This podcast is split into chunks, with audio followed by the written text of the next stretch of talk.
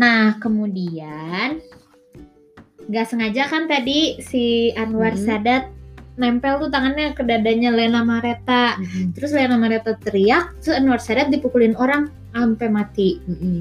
Nah, kasihan banget. kasihan Hmm. banget. Tapi tidak sampai di situ. Ternyata Itu hanya pembukanya ya. Itu hanya pembukanya. Itu hanya pembukanya. ternyata ada cerita tersendiri yang menghubungkan Lena Mareta dengan Anwar Sadat Hmm. di masa lalu. Hmm. Jadi sebenarnya ini seperti balas dendam, nggak balas dendam, apa? Karma, karma, karma. karma, betul karmanya Arman, eh Anwar Sadat.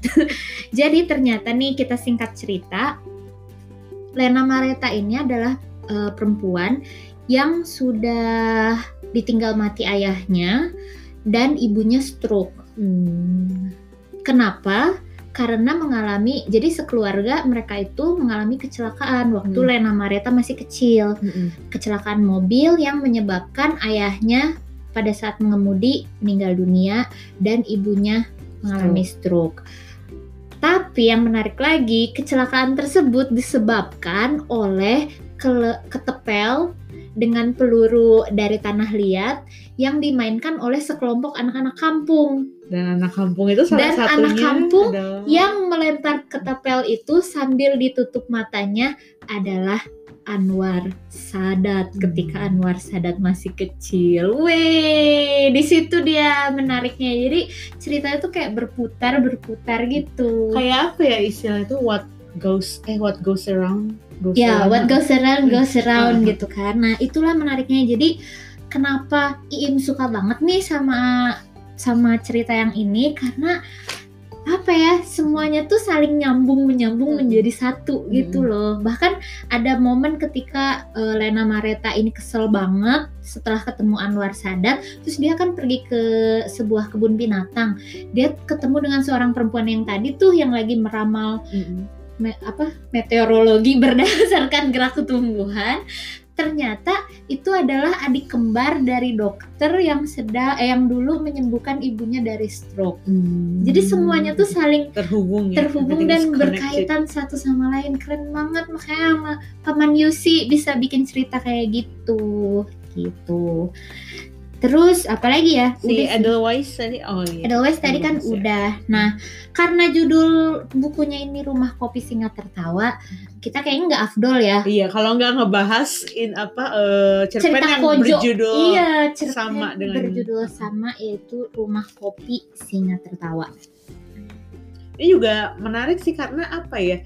Jadi menerka-nerka gitu. Jadi itu menceritakan tentang kalau di kafe eh di Di kafe ya, kopi. Hmm. di rumah kopi itu kan banyak meja dan setiap meja itu dengan apa eh, pelanggan yang berbeda-beda, terus obrolan yang berbeda-beda. Bahkan Jadi- kisah yang Iya, berbeda-beda. kisah yang berbeda-beda. Jadi nanti tuh di ceritanya kalau sobat rumpi baca tuh ada meja satu nanti tentang apa, meja Hmm. dua tentang apa, meja tiga tentang apa. gitu. Iya. Si Im juga pernah baca nih di salah satu wawancaranya Mas Yusi. Kalau nggak salah ada yang pernah mengomentari cerita ini tuh seperti alur tulisannya Hemingway. Hmm. Nggak tahu sih, Im belum pernah baca tuh Hemingway. Hemingway, Wina ya baru beberapa sih. Widih. nah, katanya ada yang serupa gitu dengan alur cerita si rumah kopi singa tertawa ini kayak apa ya?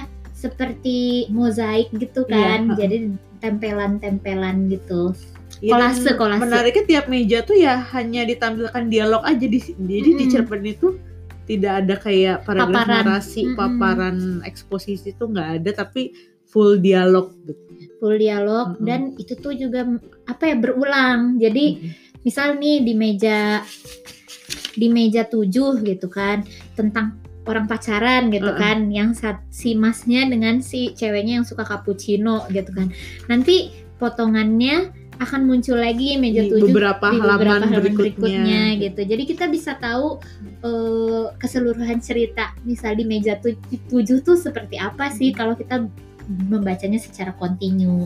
Tapi aku selama baca ini tuh membayangkannya kayak film gitu. Jadi kayak Iya, nanti sutradaranya tuh menyorot meja ini dulu Meja terus mana, nanti dia mana. pindah ke meja mana, Iya, meja betul. mana sama. menarik sih menarik. Dan ini kayak real ya. Maksudnya memang itu terjadi gitu. Iya. Dan entah kenapa sejak baca ini Iim jadi suka banget nih tiap nangkring di kedai kopi atau di rumah kopi Ngamatin orang ya? Iya ngamatin orang dan kayak bikin skenario sendiri gitu. Oh jangan yang ini lagi putus cinta nih gitu atau oh yang ini lagi PDKT nih gitu. Merencanakan pembunuhan.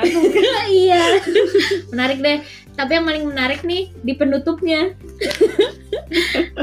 jadi setelah ada drama nih dari setiap meja dan terutama di salah satu meja ya. Terus di meja kasir di eh di penutup cerita si mas-mas di meja kasir ngomong walah goblok goblok mau mampus kok di warung orang. Kayak. Menarik banget. Terus kayak oh ini oh itu dari meja yang itu gitu. Oh ternyata iya, mereka lagi ini gitu. Kita Mm-mm. jadi kayak bisa bisa membayangkan membayangkan sendiri. iya apalagi untuk orang-orang yang gampang berimajinasi ya Soalnya ini beneran cuma dialog doang sih emang kayak harus membayangkan sendiri situasinya seperti apa. Iya betul. Seru banget sih pokoknya. Kalau misalnya Jeng Wina nih, Mbak Wina, Jeng Wina ya, apa pun lah. Aku jangan Mbok Wina ya. Kalau ngasih skor buat rumah kopi singa tertawa berapa nih? Berapa dari berapa nih? Skala Eh, lima. lima deh, lima, lima, lima. Kayak di Goodreads gitu. Tapi kayaknya semua ceritanya Paman Yusi itu aku rate-nya 5 per 5 deh. Weh, kiss ass. Soalnya memang sesuka itu sih sama cerita-ceritanya gitu. Betul. Jadi lima per lima nih. Kalau Iim empat setengah per lima, empat setengah per lima untuk rumah kopi singa tertawa.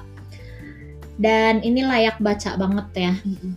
Kalau sobat Rumpi mau beli di mana nih? Kan ini soalnya bukan dari Bukan penerbit, dari penerbit yang kayak Gramedia. Komersil ya. Baik, gak boleh sebut merek ya. Iya. Jadi penerbit Banana ini kan bisa dibilang penerbit indie ya. Heeh. Jadi Biasanya pemesanannya itu lewat online. online Hmm, bisa online. email ya, at- email atau lewat toko buku Oh, iya. ini. toko buku indie. Atau Hmm. kalau misal yang di Bandung sih Im taunya, Im kan orang Bandung nih. Wina juga sih.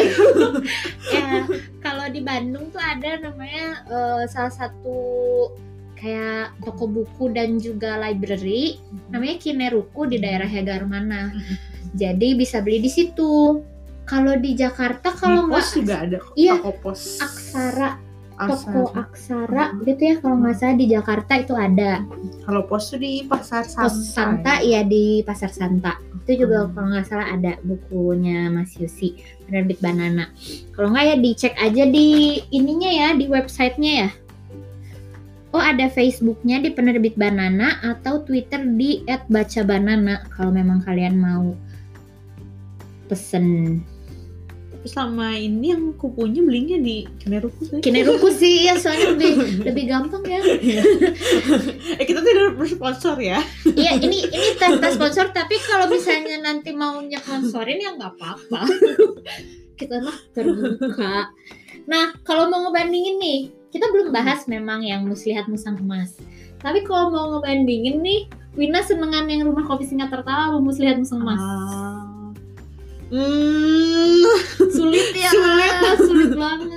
sulit tapi apa ya pertama baca mungkin karena lebih lebih duluan baca rumah kopi jadi mungkin lebih berkesan Betul, kopi. betul, sama banget. Buat Im juga nggak tahu kenapa ya lebih berkesan. Memang sih kayak isu-isu sosial yang diangkat sebetulnya di Muslihat Musang Emas tuh lebih banyak lagi. Mm-mm. Apalagi isu-isu agama khasnya dari Mas Yusi ya. Tapi tetap yang rumah kopi singa tertawa nih nggak tahu udah di hati aja. Wede. Tapi lain kali kita bakal bahas juga kok ini muslihat iya Musang emas karena sangat menarik. Hmm, sama mereka ada favorit Iim di situ. Wina juga dong. Oke, itu dia tadi eh review buku dari teman Yusi Avianto Parianom berjudul Rumah, Rumah Kopi, Kopi Tertawa. Tertawa. Nah, itu sebagai episode 1 dari Rumpi Kala Hujan. Iya, tapi ya mungkin episode ini jadi terbagi ke dua bagian Iya, maaf ya karena suatu kepanjangan. kesalahan teknis tapi namanya juga episode 1 ya Masih belajar. ini kan podcast perdana kita iya. Mudah-mudahan bermanfaat ya, tapi kalau enggak ya udah nggak Iya. apa-apa. ya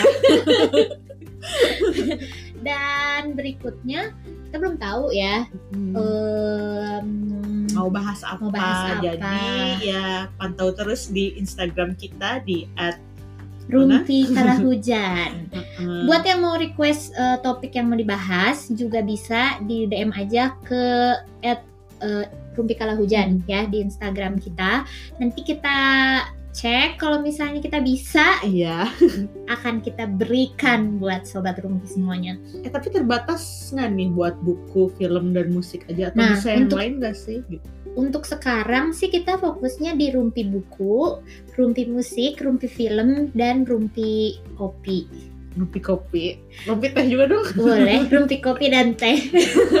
Tapi kalau misalnya ada eh, rumpi-rumpi lain yang pengen banget nih sobat rumpi denger atau pengen dibahas gitu diulas, kasih tahu aja nanti kita bisa diskusiin kalau kita oke atau kalau kita bisa nanti kita sampaikan.